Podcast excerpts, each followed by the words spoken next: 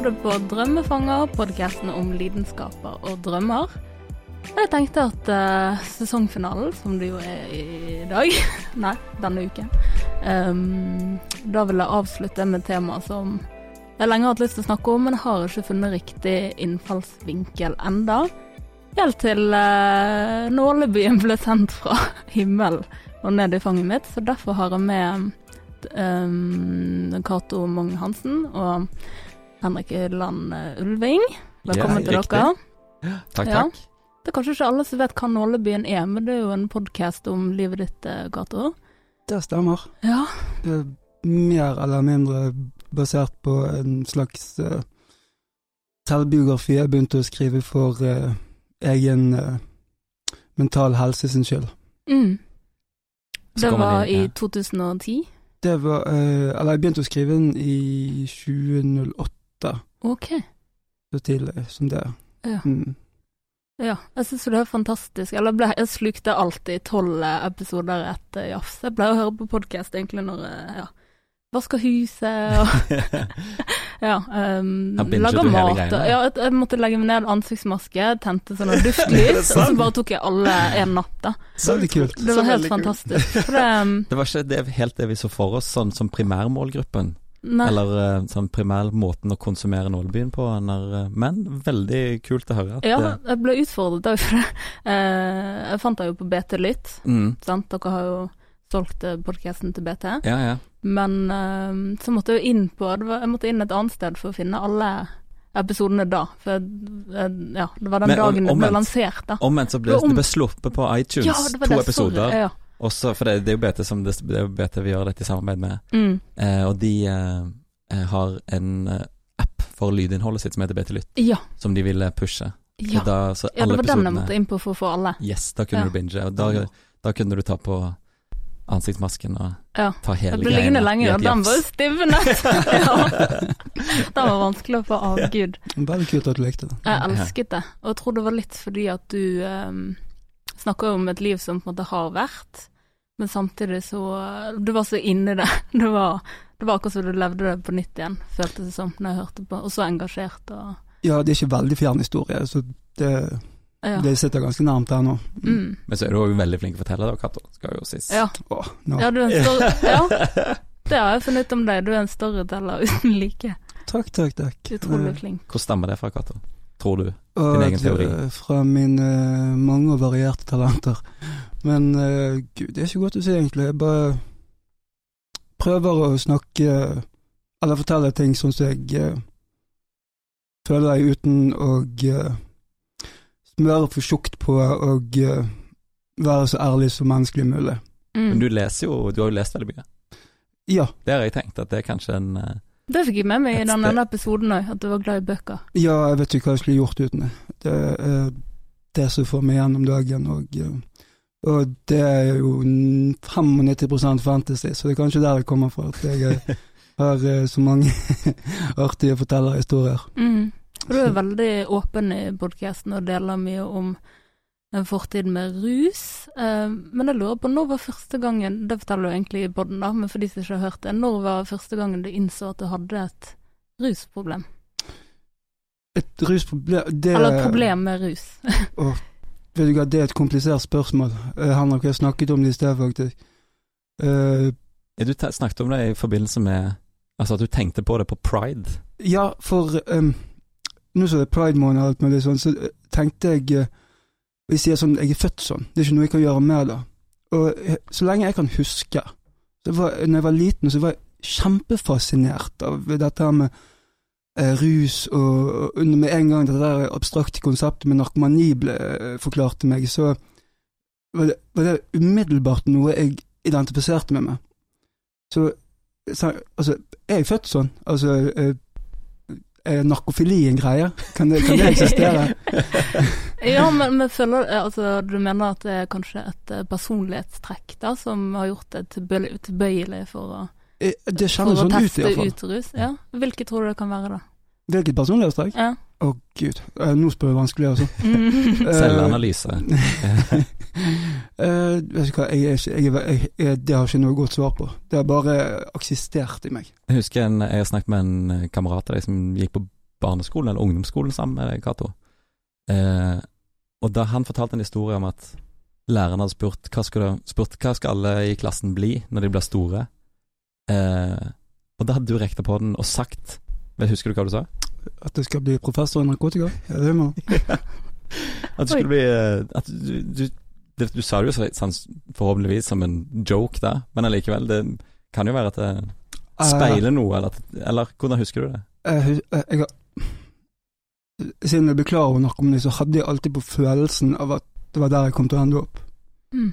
Uh, og dette her med uh, nåler eller alt dette, det var ikke noe som jeg syntes var vemmelig eller uh, Nei, du har ikke sprøyteskrekk? Nei, ikke i det hele tatt. Tvert imot. Det der hoppet jeg uti med begge beina, altså. Sprøyteglede? Sprøytenysgjerrighet. Mm. Uh, altså, det, selv om det ikke det var noe jeg ville innrømme for meg sjøl før det var gått uh, en god stund, altså. Det er jo ingen som har lyst, eller vil seg sjøl ondt, og det var ikke det jeg ville heller. Jeg ville bare Jeg ville bare oppleve. Mm. Uh, oppleve det jeg forestilte meg kom til å til å få, det jeg kom til å få ut av det. Mm. Hvor lenge var du da skap narkofil før du kom ut? Oh, vel, jeg begynte å sette skudd da jeg var 17, og uh, men du eksperimenterte jo med ting tidligere. Jo da. Mm. Når var det? Når eh, jeg begynte med stov? Ja. ja. Første gang var jeg ni og skulle sniffe linol. Uh, men jeg begynte ikke å ruse meg for alvor i anførselstegn før jeg var tolv og begynte å drikke og spise tabletter. Og rusavhengig sånn sett, da var jeg vel 16-17, noe sånt. Mm. Men nå, nå, lurer jeg veldig på hvordan møttes dere to? Hva er historien der?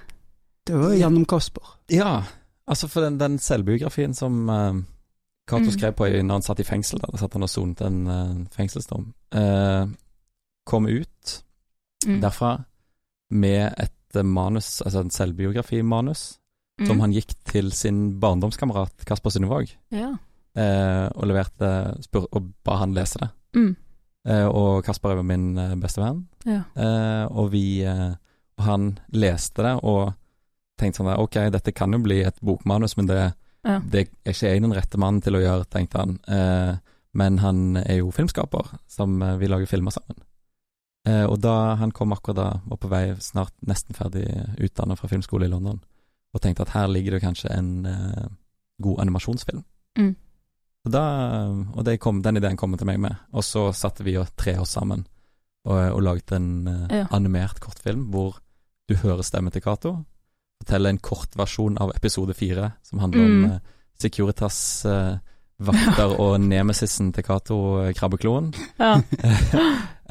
som vi da lagde en Kortfilmen var en treminutters versjon av den historien om hvordan du og krabbekloen i den slags sånn Sin City-aktig univers. Uh, ja, lek som katt og mus-lek. Ja.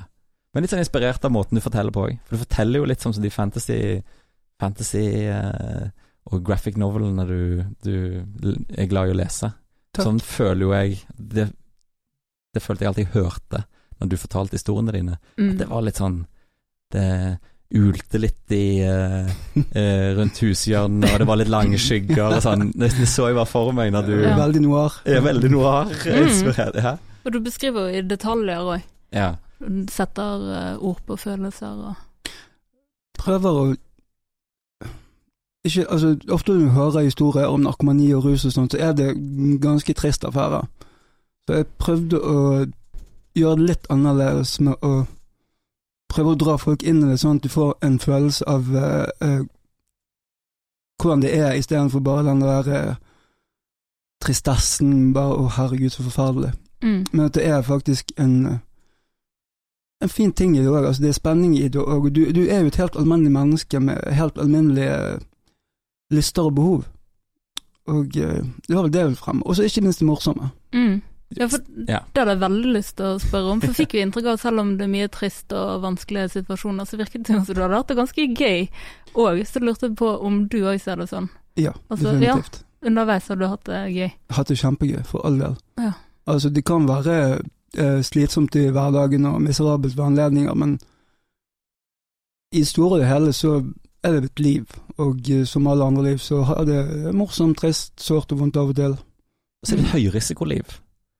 Ja. Så det er jo når uh, Hvis man liksom tar en skikkelig helg på byen, ja. uh, også vanlige folk, da, mm. så opplever man jo ekstraordinære ting. Mm. det skjer fort spesielle ting, og ting som det blir interessant og Eller som man forteller om det på mandagen når man kommer på jobb igjen. Ja. Det narkolivet som du beskriver, er jo egentlig en sånn kontinuerlig eh, ganske ellevill fest. Ja. Og, med, og, det er så utrolig mye absurde ting som skjer med deg. Jo da, det er veldig mye rart som skjer. Ja. Og eh, gud, eh, skulle jeg samlet alle de historiene, så hadde altså stadig vekk den dag i dag kommer jeg på sånne ting som skjedde, så jeg eh, Herregud, det gjorde vi, det gjorde vi. Og, Eksempel. Mm. Ta et eksempel ut av hatten. Å oh, Gud, ut av storyhatten. Ut av storyhatten. Jeg vel uh, oh, En gang jeg var i Oslo, så var det noen politimenn som stoppet meg. For, eller stoppet meg og stoppet meg. Jeg var nede på uh, Jeg gikk på folkehøyskole, mm. og uh, annenhver helg så reiste jeg inn til Oslo for å binge på heroin og amfetamin. Som man gjør når man går på folkehøyskole. Selvfølgelig. uh, den folkehøyskolen var i Sandefjord, så det var ikke så langt å reise. Nei. Og så uh, gikk jeg inn på Burger King for å justere meg som det heter, mm -hmm. og så sette et fiks. Vil du forklare med andre ord hva det vil si, for de som ikke skjønner? En justering, det er en dose, ja. kan du si, med gudene vet hva. Ja. Det kan også bli kalt for en cocktail. Mm. Blandet uh, amfetamin og heroin og råhypnol som mm. tilfellet da var. Ja. Men iallfall det som skjedde, var at jeg fikk det som kjent som en sovedose. Mm. Så uh, ikke helt overdose, men du er ikke våken heller, sant? Du, så du sover. Og uh, jeg våknet av at det sto en illsint Burger King-manager, fire politimenn og fire ambulansepersonaler prøvde å få meg opp av gulvet. Gud. Og det var jo eh, litt ubehagelig. Så da de geleidet meg ut og plasserte meg eh, inni den der Maja-bilen, og så begynte de med det brutale avhøret. Går det bra med deg? Mm. Har du det bra? Er det noe vi kan gjøre for deg? Og best av alt var i sporten er er du sulten. Ja. og jeg, jeg, ble så blåst. Jeg, hva er det som skjer? Og Det viste seg at jeg hadde fått en annen, et eller annet direktiv om at du skulle ikke ta dosene til, til rusmisbrukere når det bare var liksom lite grann. Ne. Så Du fikk dopet tilbake igjen? Jeg fikk stoffet tilbake igjen. Og litt mat. Eh, litt, nei, de, jeg, jeg, jeg, jeg, klarte ikke å uttrykke det. var litt sånn Hæ, hva skjer? Hvor, hvem er jeg? Hvor er jeg? Ja. Burger King, det skulle vært et direktiv til Burger King òg. Burgere til alle som. Han så mye sintere ut. han var sånn Ja, må ikke ta meg. han var ikke imponert i det hele tatt. Men ja. Det var én av mange. Sånn. er det jo veldig å snakke med Cato, og det er litt det vi som inspirasjon for podkasten var at eh, når vi har liksom vært ute og tatt en øl eller eh, tatt en kaffe, så har vi eh, Så forteller bare Cato sånn i forbifarten noen sånn helt absurde ting som har skjedd liksom i det forrige livet hans. Mm. Og det der og den Jeg er nå reinkarnert. Hva sa du? Ja. ja, du er reinkarnert. så da ville jeg eh, Det ønsket det hadde jeg liksom lyst til å at, Jeg trodde, tenkte at dette kan flere ha glede av Absolutt. å høre. Og så er det der at det er i bunn og grunn så prioriterer du jo å underholde, at det skal være morsomt og underholdende. Det, det var hovedmålet, ja. Det du forteller. Mm. Men så mm. treffer liksom uunngåelig alvoret deg uansett. Fordi at det ligger der hele tiden. Ja, det ligger i en ja. sånn, sånn skummel understrøm hele tiden. Så man mm. trenger liksom ikke å eh, sette sånn spotlight på at dette er alvor. Du kan bare la Kate fortelle de absurde, rare og triste og morsomme tingene som skjedde i livet hans da. Mm. Eh, og så forstår folk på en eller annen måte litt mer om hvordan det er å være junkie. Absolutt. Uten at man har moralisert på noen måte. Nei, altså du er ikke nødt til å gni det inn, sant. Altså det mm. folk tar det ut av historien, det som de vil ta ut av den, uansett hva du sier. Mm. Altså, ofte så blir det sånn like, veldig trykk på hvor feil ting er. Men altså, det, det vil dukke opp uansett.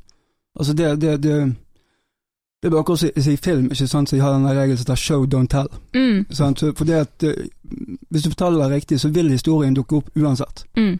Så vi trenger ikke ha uh, fortellerstemme. Det, ja, det, har, det det dere har klart med Nolleby. Men jeg tenkte på du, Henrik, som altså det du fortalte om i sted, det var på en måte forløperen til sant, Nolleby-podkasten, mm. og du har jo vært med å skape begge deler. Mm. Um, og har hørt alle historiene til Cato sikkert fire, fem, seks, syv ganger. ja, så tenkte jeg på hvilken av eh, episodene eller historiene har gjort mest inntrykk på deg? Eh, det har nesten sånn forskjøvet seg gjennom arbeidsprosessen. Det liksom, til å begynne med så var det jo de vittige historiene var jo de, de som fanget meg til å mm. begynne med. Og så er det Så er det noe med at du ser Når jeg begynte liksom å sy dette sammen, da, så så jo et slags mønster av hvor historiene stammer fra. Altså hvis det var ti år gamle historier, så var det liksom i den eh, fasen hvor du liksom begynte å mm. og eh, Nei, ti år. 20 år gamle historier blir du nå. Altså i starten av karrieren din. Så, går. Eh, så begynte du å eksperimentere, og da var det bare gøy, og du hadde bare lyst til å pushe grenser, liksom. Og bare få maks ut av det livet. Ja. Og så eh, Ja, Ok, noe mer konkret svar. Det er den episoden hvor han forteller om uh, junkieøkonomi. Ja. Altså en slags eh, episode hvor vi kaller den Junkonomics uh, 101, som er universitetskoden på, det, på Junkie-universitetet til der Cato Mag-Hansen er professor. ja. er der han forteller om gradene i ja. ja, ja, Der han forteller om hvor, de ulike måtene du kan skaffe penger til dop. Mm. Mm. og da begynner det jo med veldig sånne gøye scammer, og, og de stjeler øl, og de går videre og selger det. og du går i, uh, går i trygdegettoen uh, opp på Sletten og selger kjøtt og ost og de ulike karakterene som befinner seg der. Uh, men et premiss for at du skal kunne være en god butikktyv, skjønte jeg jo det, er jo at du ser noenlunde uh, hverdagslig ut og normal ut. Ja. For å kunne gli inn. Og det varer ikke evig. Nei. Nei. Og det der, når du da Og så har du en fase der du langer og pusher dop altså rett og slett blir en mellommann og selger. Og da hadde du konstant tilgang på dop, så da kunne du bruke masse av det. Du hadde mye mer penger enn du, enn du klarte å bruke, fikk inntrykk av. Ikke mye mer. Men... ikke mye mer, men at iallfall er nok penger og nok mm. stoff. Og da kjørte du òg, levde du virket som en veldig hard, en hard del av, det, av karrieren. Ja, jeg følte jeg kunne bruke stoff med den dedikasjonen han tjente. Altså. og så mister dere den uh, eh, connectionen deres. Han ble, han ble, fengslet. Ja, og da må det tilbake igjen til det gamle livet. Og det er veldig sånn der sårt, for da, da, ser dere mye mer kjørt ut. Ja. Når dere skal prøve å Så det funker ikke. Og butikktyv da, det har ikke sjans. Da er det liksom Da ender du for, Den fortellingen ender liksom med at du står og tigger på, på Torgallmenningen og selger megafonen. Det stemmer. Ja. Det var en brutal overgang. Det var ikke noe gøy i det hele tatt.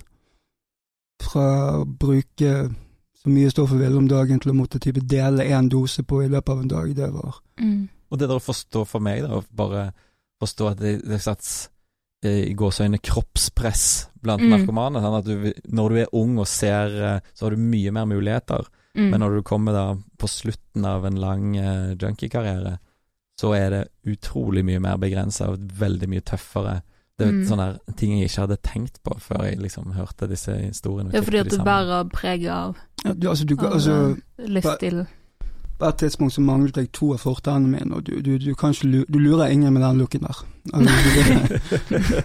Godt sagt. Alert, narkis-alert. ja, ja, fullstendig. Og da, da, kunne jeg ikke stjele, og, og når jeg prøvde å skaffe meg nye kontakter, så bare De aller fleste er bare opptatt av seg og sitt, så det, det er mm. vanskelig å få tak i noen du kan stole på. Ja. Så jo da, det ble et hardt liv etter det. Men, heldigvis havnet jeg i fengsel. Ja, heldigvis. Men, og heldigvis for podkasten. ja, det hadde ikke blitt podkast. Ja, vi, må, vi må være glad for det. Men uh, kroppen, bare uh, merker ikke du på kroppen at uh, dosen er justert, og at du ikke får det samme som du vant til å få, eller hvordan preget det deg? Det merker du. Mm. På et tidspunkt så var jeg mer abstinent i løpet av et døgn enn jeg var frisk. Og, eh, frisk, da mener du at du Når ikke, du er frisk, da har du, frisk, da har du ikke. Da har du dop i, eh, dop i kroppen? Mm. Da ja. Eh, er du frisk. Du er ikke du, motsatt av syk. Også kjent som frisk. så det blir egentlig derfor du holder det gående, fordi at du vil være frisk? Ja, altså det, det er sånn det ender opp. Du begynner ja. på det du ruser deg, og til slutt så gir det deg ingenting, Nei. bortsett fra at du ikke er syk. Og eh, eh, noen tidligere narkomane som sammenligner dette med heroinabstinenser som en litt brutal influensa. Altså, en brutal influensa er ganske ille i seg sjøl, men uh, abstinenser, uh, opiatabstinenser, bør ikke under noen omstendigheter sammenlignes. Det er, det er ganske Det er forferdelige følelser. Prøv å beskrive det. Åh, det er litt som Klør det, liksom, eller? Nei, altså, det begynner med at du svetter på ryggen, og så begynner panikken å komme, den trangen. Mm og så sprer det seg til hele kroppen, og du begynner å få små rykninger. Og så kommer det akkurat som små kniver i magen som skjærer gjennom systemet ditt. Og det, det gjør så vondt, og all energien din blir tappet. Og den energien du sårt trenger for, for, å kunne gjennomføre planene dine, det, den eksisterer ikke. Altså det, det er et vanvittig prosjekt å bare ta på seg sokkene og mm. glemme å skaffe penger. Ja, ta en dusj, da. Ja, nei, det, altså, mulig, det, det, det, havner langt ned på listen av hva du skal bruke energi på. Altså. Ofte derfor narkomane kanskje er litt uh, moden i lukten. Så ja, det er Og hvis du faktisk kommer deg gjennom si de første tre-fire dagene Altså, du ikke, ikke får du sove, men altså, du får, får, får sliten til å være våken. Varer det så lenge? Det er begynnelsen. Uh. men du får syk til å sove, men får trøtt til å være våken. Mm. Og når hjernen blir utsatt for så mye misbruk, øh, så prøver han å flykte. Mm. Så du opplever Altså, når du svever i et sånn merkelig plass mellom våken og sovende, hvor du får noen ganske intense visjoner. Altså, det er nesten sånn feberdrømmer. At du hallusinerer, på en måte? Du hallusinerer, men altså ikke sånn at du har øynene åpne og ting flyter rundt omkring, men mm. øynene dine gjerne flere Altså, du er det er litt som en drøm, men du er våken, men ikke helt Altså, det er veldig ja. vanskelig å beskrive. Men uh, gud, det er, det er intenst, altså. Men hvordan klarer du å ha kontakt med andre mennesker når du er i den tilstanden der? Du gjør ikke det. Du, du nevnte noen kjærester du hadde, og samboere. Hvordan, hvordan ble de forholdene på, påvirket? Du eksisterer i din egen lille boble, og hvis eh, kjæresten din også er på, på kjøret, noe som er ganske vanlig, så vil hun nå være i sin lille boble. Mm. Altså, du går liksom store omveier rundt hverandre bare for at bare å være nærmt hverandre er nok til å Ja, altså, du blir så overfølsom. Mm. Og hvis noen gjør, tar deg, stryker deg på kinnet, så begynner du å skjelve, og ja. Nei, det er, det er intense saker. Og det eneste du kan gjøre for å bli bedre, er å få eh, medisinen din, da. Ellers må jeg mer medisin, ja. ja. Og da blir du vel ganske desperat etter hvert på å få tak i dette her, men du har ikke energien kanskje til å få til Hvordan løser man noe sånt? På et eller annet vis så går det alltid greit. Jeg vet ikke hvordan, men folk som jobber med teater, sier ofte det samme. Altså, de jobber med et teaterstykket sitt, og de er helt overbevist om at dette kommer til å gå rett til helvete. Men når, eh, på åpningsdagen så går alt sømløst. Jeg vet, jeg vet ikke hvordan God sammenligning. ja, ja, ja, premiere! jeg vet ikke hvorfor det går bra. Det, bare, det gjør det. Mm. Jeg tror det er bare sånn Sinn er jo alt, som jeg sier, og eh, du, du, du, får det til. Jeg vet ikke hvordan, men det skjer. Ja. Altså, du prøver å ringe hvem som helst, Gud, Allah, Jesus, Buddha, for å få tak i penger, altså, men mm ja, de kyniske slektningene dine har sannsynligvis vært gjennom dette før, og eh, ikke keen på å gi deg noe mer, men det går. Jeg vet mm. ikke hvordan, men det går. Er det da man går og raner sånn gamle venner og familie og sånn? Uh, nei. Ikke raner, men stjeler fra? Uh, jo, eller det, altså når du er så syk, så det, det, gjør du før du blir så syk. Ja. Mm. Men tigger du, for eksempel? Hvordan, hvordan løser, jeg, jeg, jeg, jeg, jeg, jeg, jeg, hvordan løser man det der Altså, det er at du ikke har noe energi, men du er nødt til å skaffe Ja. Eller er det bare vanskelig å huske? Nei. du selger CD-ene dine. Altså, ja. det er mye ting du gjorde før som ikke går nå lenger. Ja. Sånn som bruktbutikker. Eh, jeg stjal jo bøker og solgte til brukthandlerne. Ja. Uh, ja. Når brukt-CD-sjapper eksisterte, så solgte CD-er og sånn. Ja, Så det dro teppet vekk under junk, deler av junkieøkonomien? Ja. Yes, ja. Det er litt interessert for du sa jo i en episode at der liksom krysset du en grense med hun uh, damen som du hadde da, når du hadde vært og stjålet uh, bøker, var ja, det? Ja, for flørten. Ja, mm. ja, ja, flørten, sorry. Ja, flørt, uh, hun, men jeg tenkte sånn, jeg ville jo tenkt at man har krysset ganske mange grenser tidligere, kanskje gjort litt ting som man uh, ja, ikke så stolt av å slite litt med, men der hadde det liksom, der gikk det for deg. Ja, ja, ja. eller en ny grense. Ja, det var en ny, ja. ja. Bare kan fortelle historien kjapt, da. Ja. ja. Skal jeg gjøre det? Nei, det er jo din historie. Hvilken historie snakker du om? Den med, Den med på, på Nordli-butikken på Torgallmenningen? Nei, altså det begynte jo med at jeg skulle bare stjele. For, uh, jeg vil fortelle om scammen. Scammen er altså at du finansierte en periode dopmisbruket ditt med å selge fantasybøker. Stjele fantasybøker, og så selge de til brukthandlerne i eh, rundt omkring i byen. Der, der de kjøpte det. Ja. Mm. Uh, og da var greia at du fikk typ en fjerdedel av en femtedel av ny pris. Og eh, det er en ganske god del, for hvis du hadde type fem Ringenes herre-bøker, så hadde du nok til et fiks, for da kostet det type 400 kroner for én dose. Det har datt veldig i pris. Mm. Uh, og ja, fem Ringenes herrebøker, det var det som skulle til for en dose. Og de kjøpte alle Ringenes herre-bøkene, fordi at uh, Jeg husker ikke om det var rett før eller rett etter filmene kom ut. Men alle ville ha bøkene, iallfall. Ja. Mm. Så Harry Potter og sånn òg, det var omtrent samme tid? Harry Potter, altså alt er en fantasy, egentlig. Ja. Og mm. Eh, grafiske noveller, og eh, pornoblader, selvfølgelig. Ja. så Narvesen var hyppig besøkt, det òg. I alle fall så eh, en av de butikkene som hadde liksom best utvalg av uh, fantasybøker og sånt, det var den eh, nordlige forretningen rett på Torgallmenningen her. Og en dag så oppdaget jeg en, at det var en jente her som jeg var følte meg veldig tiltrukket til. Og eh, etter noen ganger så fikk jeg det for meg at hun virket interessert i meg òg. Mm. Og det var noe iallfall sånn litt sånn smålange blikk og sånt, og uh, blyge smil og Du skjønner. Mm. Ja. Brukte du det for å distrahere òg? Altså for å gli inn og motivere hvorfor du var der? Ikke bevisst, men uh, det var jo det jeg gjorde. ikke bevisst, men ja. det var altså, ingen som liker å tenke på seg sjøl at noe gjør noe galt nå. Mm. Så de gjør det Ja, eller noe sleipt noe. Mm. Altså noe mot et annet menneske som er ikke kult. Mm. No. Så, så, du tenker aldri over det bevisst når du gjør det. No. Uh, så du må liksom ta et skritt tilbake og se på deg sjøl før du greier å innrømme for deg sjøl at du har vært en kødd. Mm. Men jeg skjønner jo at hun tror, trodde at du var interessert i henne, siden du var der hver dag. Ja. jeg, jeg kunne skulle ha hver dag, men To-tre ganger i uken iallfall. Ja, ofte nok. det er jo Har du begynt å lure? ja, jeg, jobbet, jeg jobbet i butikk, og de gangene Hvis folk som kom inn, jenter hadde kommet inn tre ganger i uken, så hadde jeg begynt å tenke at hm, kanskje de er litt interessert i meg. Ja, ja og det, altså, jeg var aldri helt uh, sikker på om at uh, hun stirrer tilbake om det for sånn at kan han duden være så snill å slutte å glo på meg? Eller hun, fordi hun faktisk var interessert, det vet jeg ikke. Men jo da. Uh, det der pågikk i type uh, halvannet år, nesten. Mm. Uh, ja, type det var den, så lenge, ja. Mm. Ja, ja, ja. Og hele den tiden så var han Jeg fortalte om nettopp han krabbekloen. Han, han, han, var veldig keen på å ta meg. Ja. Sjefen for, for, vekterne, liksom, i sentrum. Mm. Yes, da. The main. ja, han, han, manglet uh, ringfingeren, langfingeren og pekefingeren på høyre hånd. Så hø høyrehånden hans ja, Når tommel og lillefinger møttes, så ut som en liten krabbeklo. Hands krabbeklo. Ja. Så den, det var når dere tyver møttes for liksom å diskutere litt sånn ja, når vi traff fag, hverandre. Tyvefag. Tyvefag. Så ble gjerne omtalt. Fag, ja. Diskutere fag. Så jeg vet at du elsker fag. Ja.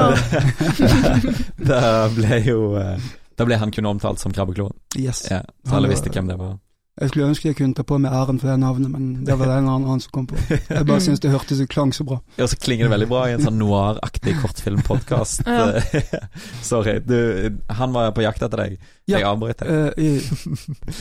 Hvor var jeg? Jo, jo, mens du holdt på å Så eh, hele, mens det skjedde, så var han på jakt etter meg. Da. Jeg vet ikke om han hvor på jakt, men det kjentes sånn ut i mitt paranoide sinn iallfall. At han var veldig keen på å ta meg og måtte se meg over skulderen hele tiden. Mm. Og en dag så sto han der og gliste fra øre til øre, og jeg skjønte at shit. For da hadde jeg begynt å stappe ting opp i bagen min. Mm. Du hadde masse tyvegods i bagen? Jeg hadde, jeg hadde et par bøker i ja. bagen. Og han river denne bagen og så tømmer han oppå en tilbudshylle. Altså, det irriterer meg en dag i dag. Altså, det lyste triumf for hele fyren. Jeg hadde ja. så lyst til å gjøre noe skummelt med Og da sto hun uh... Ja, hun, hun sto og så ja. litt forvirret ut, og så veldig så, litt sånn såret ut. Bare, er han en tyv? Ja. Og jeg hadde på meg en døffeljakke, så jeg trakk godt over hodet og bare stirret i bakken og an mm. anerkjente ikke verden. Uff, for du ja. følte at du dallet i hennes øyne? Ja, og jeg, jeg, hater tanken på at uh, hun skulle få for seg at uh, det var jo sant òg, men at, at, dette var alt det som hadde liksom bedelt mellom oss, var en tyv sin triks. Ja. Du bare hadde lurt henne, liksom? Ja. Mm. Jeg hadde jo ikke bare lurt henne. du var litt keen på henne òg? Jeg var veldig keen på henne. ja, du kombinerte de to. Men du tenkte på hennes følelser, da? Ja. Mm. Det, det, gjorde veldig vondt at hun skulle sitte igjen med det inntrykket av meg. Mm. Mm. Har du møtt henne igjen i ettertid? Nei. Nei. Jeg er veldig glad for det. ja. Ville du kjent han igjen? Jeg vet ikke. Tror ikke det. Nei. Men, du, men, du, har gjort mye verre ting mot andre. Ja, for det var, det var egentlig ja. det jeg tenkte på. ja. Du har jo gjort mye verre ting. Hvorfor var det så ille liksom å bli bøstet av henne? Det, det er bare satt. Altså, ja. det, det du vet, du, du, du bygger deg sjøl opp til å være en person, og du tenker om deg til å være den og den mennesket. Og, mm. Og når den boblen blir sprukket, og, og, virkeligheten plutselig kommer og lyser lyset sitt i ansiktet ditt, mm. så gjør det litt vondt og hvor du må liksom face opp til den du faktisk ja. er. Så du innså på en måte noe den dagen, da? Jeg hadde ikke lyst. Men... Nei, nei, men du gjorde det? Jeg måtte. ja. Og Du virker som du er ganske ærlig med deg sjøl, og det tenker litt på med samarbeidet med, med Henrik som har pågått uh, så lenge nå. Hvordan måtte dere liksom bygge sånn tillitsforhold dere imellom for å kunne dele så eller nå har du nå delt det med alle, da, ja, men først, i første omgang. Det gikk veldig av seg sjøl, da. Mm. mm. At det var Det var noe med Det virker eller sånn når jeg prøvde å analysere det, for folk har spurt uh, samme spørsmålet, um, at det var en veldig sånn ekte interesse fra min side i det som sto i det opprinnelige bokmanuset, ja. og at det er en ekte interesse i å høre i historien din, og du, og du har virket litt sånn der Jøss, er, er, dette interessant for folk? At det, det, det, er vanskelig for deg å forstå hva som er Hva som er interessant for oss som har bare levd helt normale, streite, dødskjedelige liv.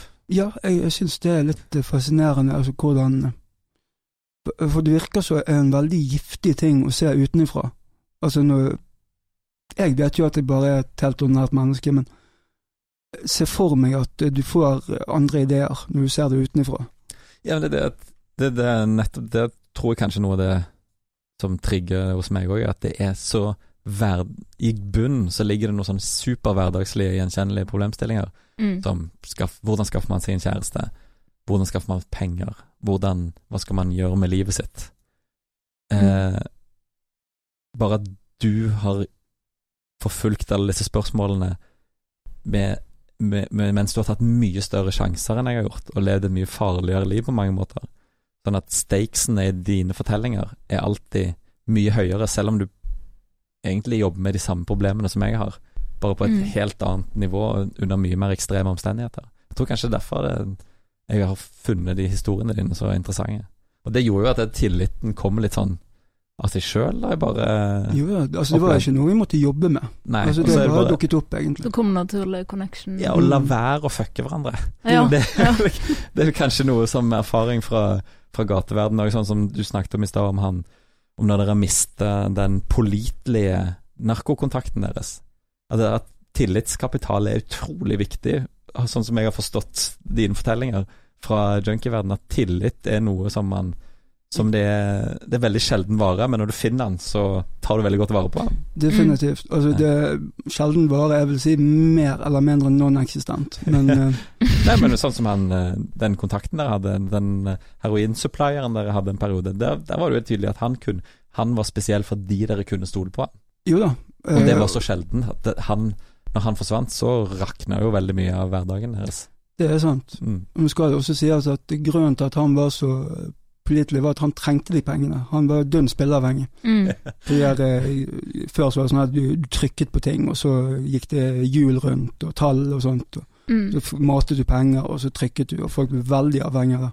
Men til og med de som er veldig eller de du anså som veldig pålitelige, hvis du ikke betalte i tide og har jo hørt grusomme historier om folk som krever inn penger, og var du noen gang redd for noe sånt?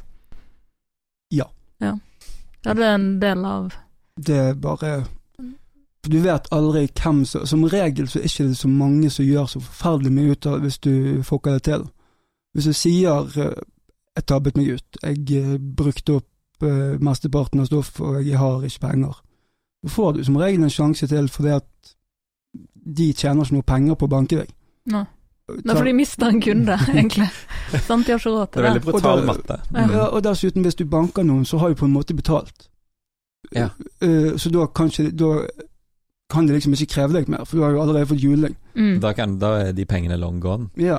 Faen, det er interessant. Det var, det, dette har ikke vi snakket om, Cato. dette får bli til sesong to. Ja. ja, for det er litt sånn Du, du er økonom. Ja, ja. Du, riktig. Du ser det jeg går på NHH. Det er derfor jeg syns ja. dette er veldig Du ser det fra den uh, vinkelen. Det er jo drømmen i en sånn uh, Altså fortelle en sånn historie av den bakgrunnen, da, journalist og økonom og, økonom. og ja, filmskaper i tillegg. Ja, og det, hele den Freakonomics-boken som har jo vært en bestselger verden ja. rundt, som er en sånn populær økonomibok som ja. slo veldig an. Han er en, et av de hovedcasene der, er jo en eh, er jo en eh, økonom som får tak i regnskapene til en sånn der eh, eh, narkobande i Chicago, mm. og så analyserer regnskapene og finner ut at dette er drevet helt et, nøyaktig de samme prinsippene som, som uh, McDonald's ah, okay. og alle, alle store franchiser. Og det er litt Det er egentlig sånn Det er sånn tam, Igjen den der parallellen til hvorfor jeg eh, kjenner meg igjen i de jeg kan identifisere meg med, meg med de historiene til Cato, selv om de er veldig veldig fjerne fra mitt liv. Det er mm. akkurat det der at grunnprinsippene og grunnmekanismene er veldig, veldig like i vanlige liv og i ekstreme junkieliv. Mennesker er mennesker, og gjør mennesketing ja. mot hverandre og med hverandre og til hverandre. Og det blir så mm. tydelig i de fortellingene dine. Det syns jeg er veldig fascinerende. Mm. Mm. Nei, jeg har ofte tenkt på det at uh, jeg tror vi ligger tettere opp til hverandre enn vi liker å egentlig innse. Mm. Uh, for jeg, jeg, du kjenner jo deg aldri annerledes, om du skjønner hva jeg mener. Altså annerledes enn folk. Du Nei. kjenner ikke et menneske. Altså Det er ingen sånn brå forandring. Nei. Ja, det er jo veldig interessant forskjell du merker på deg sjøl, fra før rusen kontra med rusen og nå etter rusen, sant? Mm. Ja. Du sitter kanskje Og du er den samme, føler du? Mm, ikke den samme. Nei. Men uh, både, altså, den samme, ja, altså Men om det er bare fordi at folk vokser og utvikler seg, mm. om det hadde skjedd i samme tempo, eller om det hadde vært annerledes, det vet jeg ikke. Mm. Hvordan har du endra deg, da? Er det noe sånn veldig tydelig du kan se at du har du gjør annerledes nå enn du gjorde i glansdagene? Tenkte meg mer om. Mm. eller jeg prøver å tenke meg mer om, iallfall. Jeg kan ha et eksempel en teorihypotese. Mm. Jeg er jo for eksempel ikke redd for å ha deg på besøk hjemme eller jeg frykter jo ikke at du skal stikke med all Mac-en min mens jeg er på dass.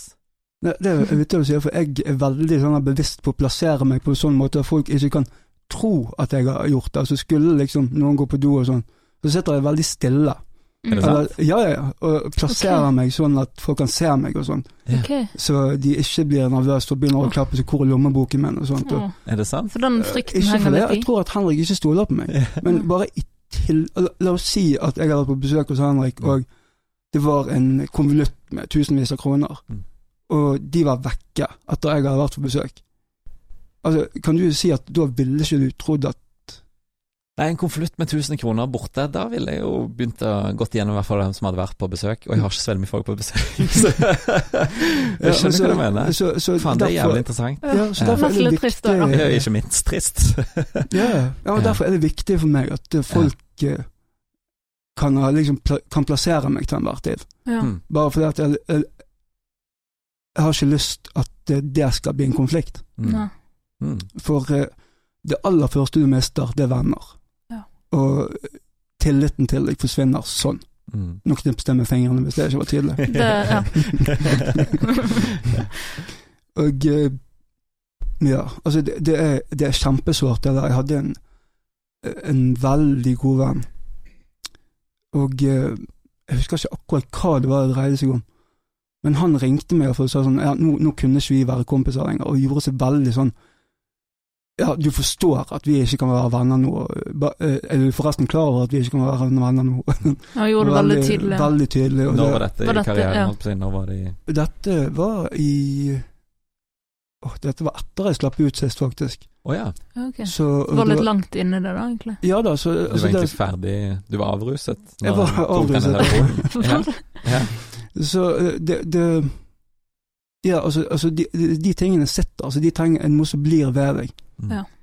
Folk vil alltid være usikre. Mm. Folk flest, iallfall. Mm.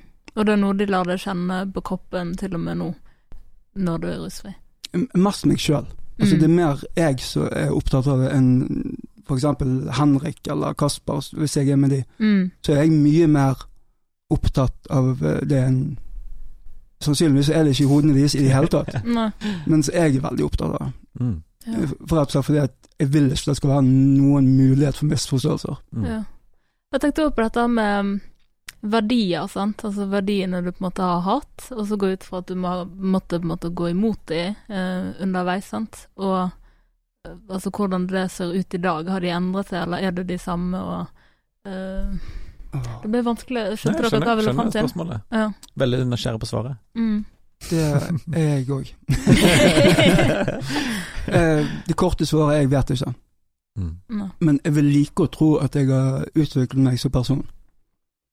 Og jeg tenker iallfall mye mer over hva jeg gjør, og hvordan det vil bli sett. Mm.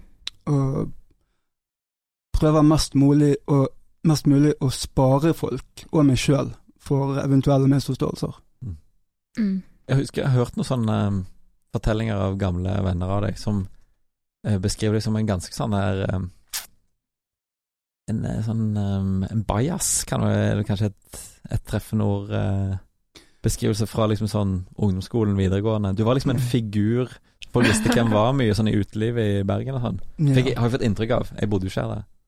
Vel, én uh, ting som forandrer seg, eller en sånn, et definitivt vendepunkt er jo Det er jo i og for seg rusrelatert, så det var første gangens bestillelse. Mm. Så fikk jeg en slags åpenbaring om jeg, jeg, så hvem jeg var, og så ble ikke spesielt imponert. Nei. Jeg syns jeg var uh, bajasaktig, som Henrik sier, og litt bøllete, småaggressiv. Og dette var ting du ikke hadde tenkt før du tok den dosen? Jeg var ikke bevisst på det, iallfall. Interessant. Mm. Og eh, da så tenkte jeg at jeg har ikke lyst til å være et sånt menneske. Det mennesket syns jeg ikke noe om. Og så forandret det meg. Men ja. nå skal jeg også si at LSD er ikke egentlig Det er ikke løsningen på Det er løsningen på faen Nei, det er ikke den type narkotika. Altså, du kan ikke spise LSD for å glemme sorgene dine. Altså, da får du det ganske fælt. Men er det fordi at grunnen til at jeg husker de historiene om at jeg har liksom hørt at du var bajas tidligere, er jo at jeg har virkelig aldri opplevd deg på den måten så lenge jeg har kjent deg. Og det er jo Når var det i 2013 vi ble kjent? Noe ja. sånt, ja. ja. Sånn at det, det, er, det, er, jo noen verdier der som har endret seg gjennom disse årene. Så det er jo, men det er jo igjen det er, som, det, det er jo et uh, liv, og det er jo ikke statisk, selv om det, du lever det på, på eh, som gatenarkoman. Nei, definitivt ikke. Altså, du er jo Eller jeg håper iallfall at du utvikler deg jeg prøver iallfall. Mm.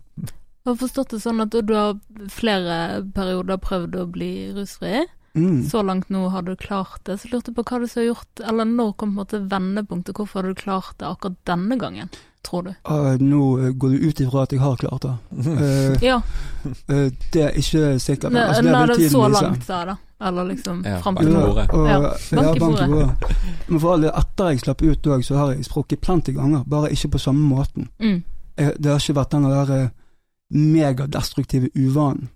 Selv om definitivt jeg har brukt stoff, så har ikke jeg hatt, vært på den type kjør siden april 2009. Men, Gratulerer. Takk, takk. sånn, og den type, da mener du heroin? Heroinkjør. Mm.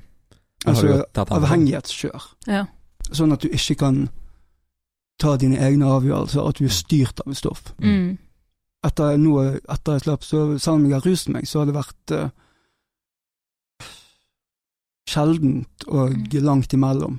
Ja. Er det en fellesnevner som måtte utløse de tilbakefallet, føler du? Mm, nei. nei. Det kan være hva som helst. Mm. Men ofte så er det Jeg kaller det bare for ondten. Ja. Eh, du får vondt i sjelen din. Mm. Og ofte er det skambelagt. Du skammer deg gjerne over ting du har gjort, sant? og så mm. Vil du at det skal gå vekk. Ja, Og det er den løsningen du tyr til? Det, det, det er vel eh, Jeg vet ikke hvordan jeg skal parafrasere det på norsk, men det blir go to-løsningen min. Ja. Altså det er det som sitter automatisk. Ja. Mm. Og det er vel det som har blitt annerledes etter hvert. Det har gått sakte, sakte, sakte, sakte.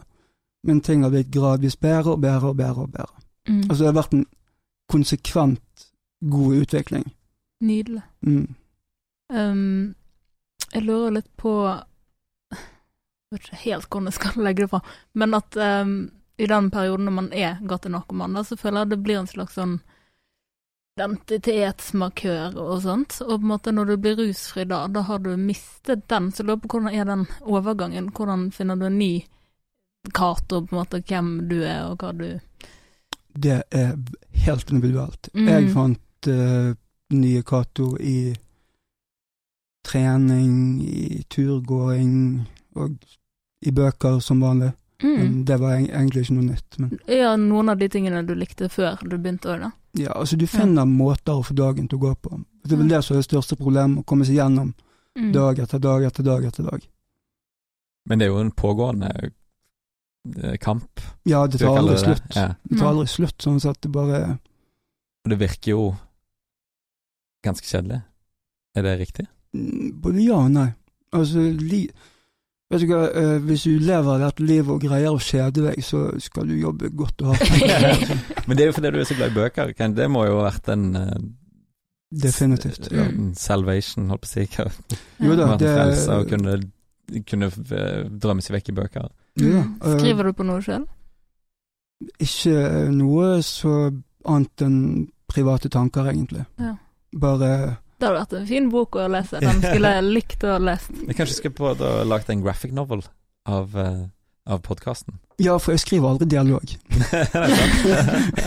jeg skriver bare mine tanker. det blir uh, veldig langt POV-shot i så fall. Ja. Mm. Men hva er din største motivasjon for å holde deg rusfri nå, da? Å ikke føle det sånn som det var. Mm. Å ikke ha den frykten for å bli syk, og den skammen for å ikke være en, et godt menneske, en god sønn, en god bror, sånn. Mm. Og den der Spesielt den der skammen med å, å svikte familien din og uh, vennene dine. Det er Det gjør så vondt mm. å, å, å, se i øynene deres uh, at de blir skuffet, mm. og vite at det er du som fikk de til å føle det sånn. Mm. Det er ikke Det er ikke gøy. Ser du de tingene på en annen måte i dag enn når det pågikk? Altså deres reaksjoner og Mener du om jeg ser på det Ja, eller på en måte din påvirkning på de, da. Ser du det i et annet lys i dag enn, enn når det faktisk pågikk, sant? For ut fra at du må legge vekk en del empati, kanskje, og sånt, for å klare å gjennomføre um... De sier det, men jeg har aldri fått det til. Nei, du har aldri fått det? Nei. Jeg har aldri fått til å legge fra meg um, empati, altså. Mm. Og det, det, er ikke bare en god ting. Nei, det, det er ikke for deg sjøl, iallfall. Jeg skulle ofte skulle ønske jeg kunne være mer egoistisk. Men ja, du har jo Det er jo kjempeforskjell fra hvordan du holdt ja. på en herje med familien når du sto på som verst, mm. sammenlignet med hvordan, uh, hvordan, det er i dag. Jo da, de smiler veldig mye mer enn de gjorde før. Men så du det alltid når det pågikk? Altså når du var liksom skikkelig på kjøret, så du hvilke konsekvenser det fikk for de rundt deg? Ja. Eller hadde du, hadde du, bare hodet opp i mm, Begge deler. uh, du kan ikke ikke se det, for det, det blir så overtydelig. Mm. Altså, du ser det at uh, når du kommer inn i rommet, så ser de etter veskene sine og sånt, og mm. du, du, ser uh, Og det der at de må hele tiden leve med den frykten med at du teoretisk sett kan dø på enhver tidspunkt. Ja. Og jeg tror det er en av grunnene til at du mister venner så fort. Mm. For det at uh, de vil spare seg sjøl den sorgen mm. med å se deg forsvinne. Er det en frykt du sjøl hadde òg? Det har jeg tenkt på når man, uh, i hvert fall med heroin, da, der sjansene er store hvis du setter feil. Um, altså det der med å være redd for sitt eget liv, sånn dødsangst det, det er jo visse ting vi andre i hvert fall ikke gjør, fordi vi, vi vil ta vare på livet, sant. Men, men, hvordan ble det for deg? At du legger det litt fra deg. Mm. Uh, for det at hvis du spør folk flest, så er ikke de redd for døden, de er redd for å dø. Ja.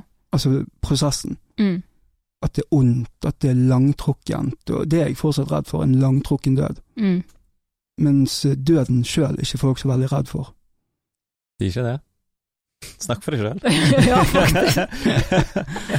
Mitt inntrykk iallfall, og min ja. personlige det jeg føler på. Jeg er ikke så veldig redd for hva som om det kommer til å skje noe etterpå. Jeg er rimelig sikker på at det skjer så veldig mye.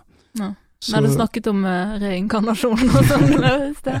Ja, det er vel mer et desperat håp enn ja. noe jeg tror veldig på. Men du er, ikke, du er ikke redd for å dø? Nei. Eller jo, jeg er redd for å dø, men ikke å være død. Nei, nei. Mm. Hvordan syns du det har vært å jobbe med Henrik, da? Ja. Kjempekult. Dette er veldig spennende. Ja. ja, det vil jeg høre litt mer om. Nei, altså det uh, Når jeg traff han gjennom Kasper og sånn, så det, det, gikk ikke lang tid før jeg begynte å stole på han. Mm. For han er jo et vakkert menneske. Ja. Jeg er veldig glad i han. Så det Tusen takk i like måte. Hva tror du gjorde da at det tok så kort tid før du kunne stole på akkurat han? Jeg føler jeg har ganske god bullshit-detektor. mm. Jeg tror på det. Er sikkert noe du må trene opp for å kunne lykkes i, lykkes i, i det livet. Junkie-verden. Ja. ja, og jeg har aldri vært spesielt vellykket i junkie-verden, så jeg er litt for naiv. Så, men, mm. Ja. Um, jeg lurte òg på det her med vennskap og sånt, sant. Um, å, hvordan uh, Altså, når du blir rusfri, sant, så er det vel vans... Altså, de venner du hadde, er kanskje òg brukere, sant, og føler man da at man sitter igjen med veldig få? Sånn i hvert fall i den første perioden etter man er rusfri, og man har kanskje brent noen broer her og der. Og... Oh, det er mer at du føler ikke sitter igjen med noen. Ja. For det at eh, de som er rundt deg, de er så Altså, du har hodet godt oppi eget rumpe. du, prøvde, du prøvde desperat å forskjønne det før det var for seint. Yeah. nice try, no banana. Så, uh, så alle er, er, sin egen lille boble derfra. Der, Og uh, du, du, du, er altfor opptatt av deg sjøl mm. til å egentlig kunne Altså, du har ikke plass til, til dine mednarkomane, egentlig. Mm. Altså det, folk snakker veldig mye om sånn solidaritet blant tyver etc., etc., men mm. du har deg sjøl til å vare på, mm. og folk må klare seg sjøl. Mm. For du er til syvende og sist et voksent menneske, du har tatt de valgene du har tatt. Og enn hvor mange som måtte påklage seg at å, det er på grunn av sånn og sånn og slik og slik, så er det du som har tatt de valgene. Mm. mm. Og du må leve med dem. Men hadde du ingen venner i utgangspunktet når du ble rusfri? I bestarten? Bare Kasper, egentlig. Ja, mm. ja hva, hva er disse vennskap... Så det var første, mm. første du tok, tok kontakt med den, når du uh, Nei, altså når jeg uh, slapp ut, så hadde jeg fått en leilighet og sånt, og det gikk ikke lang tid før jeg traff en, en jente, og så var jeg litt med sånn hundesbekjent og sånt. Og, mm. ja. Men det er vanskelig å få å etablere bare, Nå bare eh, Nå prøver jeg å gjette litt sånn som jeg har forstått det fra utsiden. Eh, at det er vanskelig å få liksom et nytt nettverk når du kommer ut hele, hele ditt voksne liv har vært liksom i, i, en verden der du ikke kan gå tilbake igjen, uten å sette deg sjøl i fare. Mm. Godt beskrevet, altså, for du, du, kan aldri gå tilbake. Ja. Du kan bare fortsette fra der du er. Og det der å Hvis du er f.eks. i en behandling, så snakker jeg veldig om dette nettverk, nettverk, nettverk. Danne nytt mm. verktverk. På nye venner. Sant? Ja. Mens, Nettverksbygging. Ja. Nettverksbygging. Og det er, det er en helt ny betydning. Det er kjempevanskelig. Mm. Og til slutt så blir det litt sånn ah. Ja, Man vet vel ikke hvor man skal begynne, sant? hvis du har vært i de miljøene nei, nei. nei på en lang altså, stund. Du er ikke du er ikke fire år lenger, sant. Det er ikke nok å bare like samme brus for å bli bestevenn. Eller ha samme fornavn. Ja, I ja. første klasse så ble jeg bestevenn med en som òg het Henrik, fordi ja. han het Henrik. Ja, ja Henrik H og Henrik ja. Henrik H og Henrik U, det er helt riktig. Kjenner du han òg? Nei. men det jeg mener at det, det er jo um, jeg har en utrolig uh, søkt parallell, kanskje. La oss teste den ut. Mm. Eh, min kjæreste for mange år siden dro, som jeg hadde for mange år siden, dro på utveksling eh, til uh, utlandet. Og da måtte jeg innså at hm, alle, de eneste vennene jeg har, er stort sett hennes venner. Mm. Da begynte jeg på mannedating. Altså jeg begynte å se platonisk dating. Altså, det, høres ut som noe helt annet. ja, det er cruising. Du må ikke blande med cruising. Eh, så da, da, begynte jeg sånn systematisk å liksom i gåseøyne sjekke opp gutter. Ja. For liksom Jeg trengte venner. Ja. Eh, og funket det? Eh, det funket, men fy søren, det var ganske Vanskelig, sant? Vanskelig. Prøv å være eks-narkoman. Ja, sant. Og weird. At man sier sånn Hei, um, har du lyst uh, 35 år gamle mann til å ta en kaffe med meg en dag, kanskje. Det er jo ikke sånn man gjør, liksom. Det er så fjern. litt rare blikk da. Så. Ja, mm. og usikker kanskje det er en, tillegg en kjønns, uh, kjønnsdimensjon, at det er enda vanskeligere for gutter.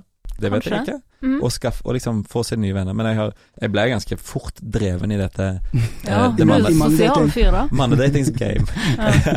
ja. uh, men bare det der å, å skaffe nye venner i voksen alder er jo i seg sjøl vanskelig nok. Ja. Det, men du, du, gjør jo en eh, bra innsats, da.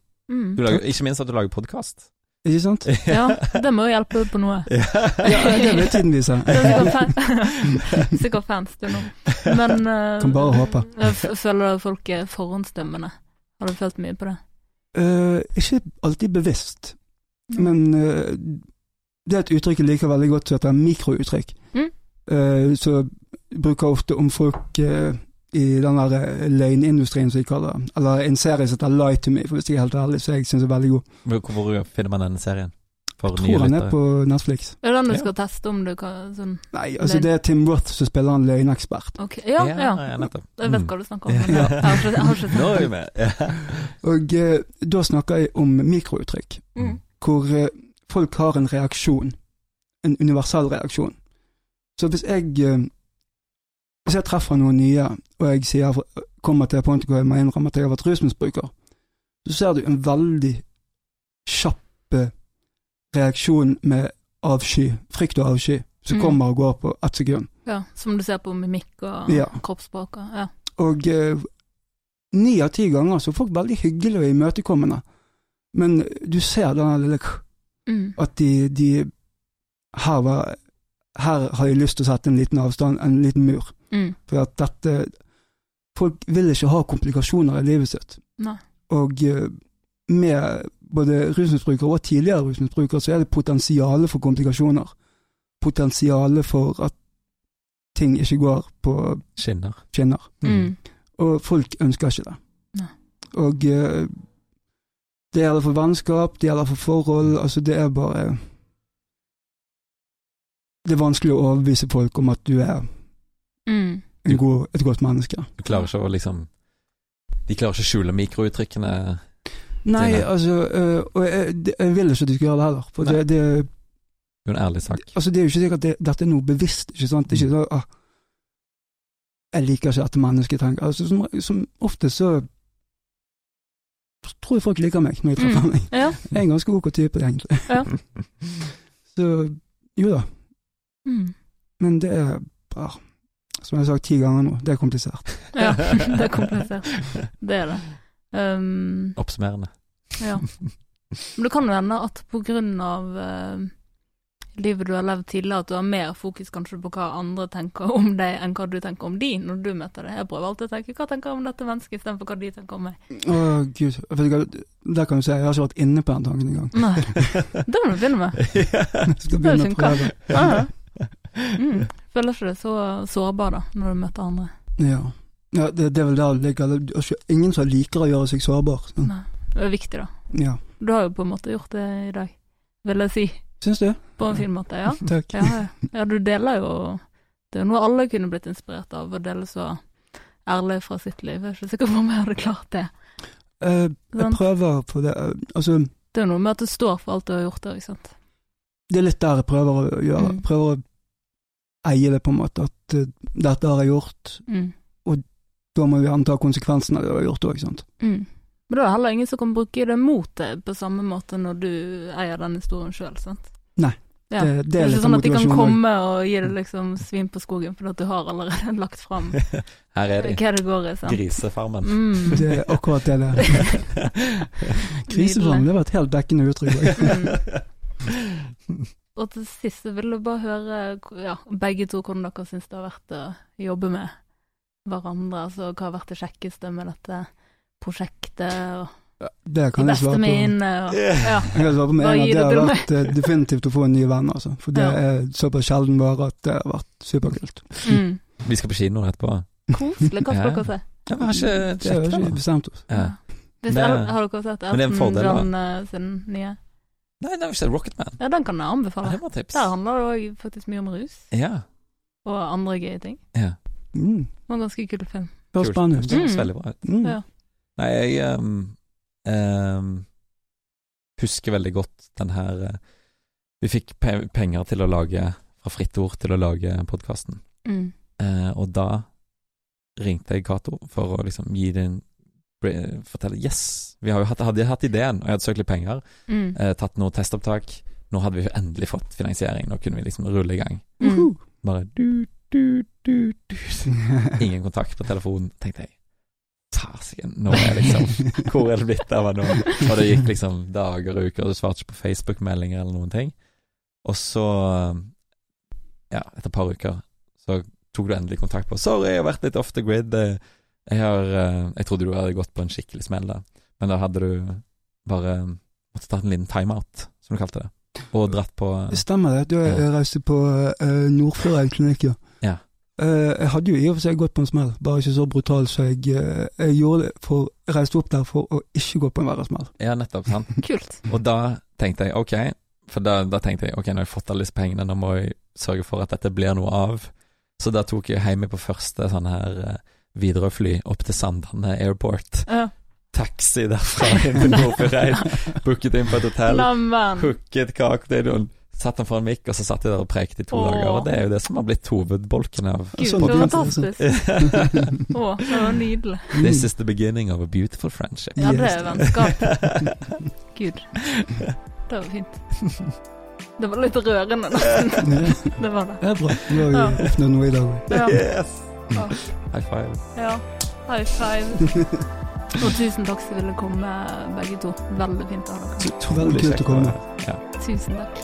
Tuddelut! Tuddelut!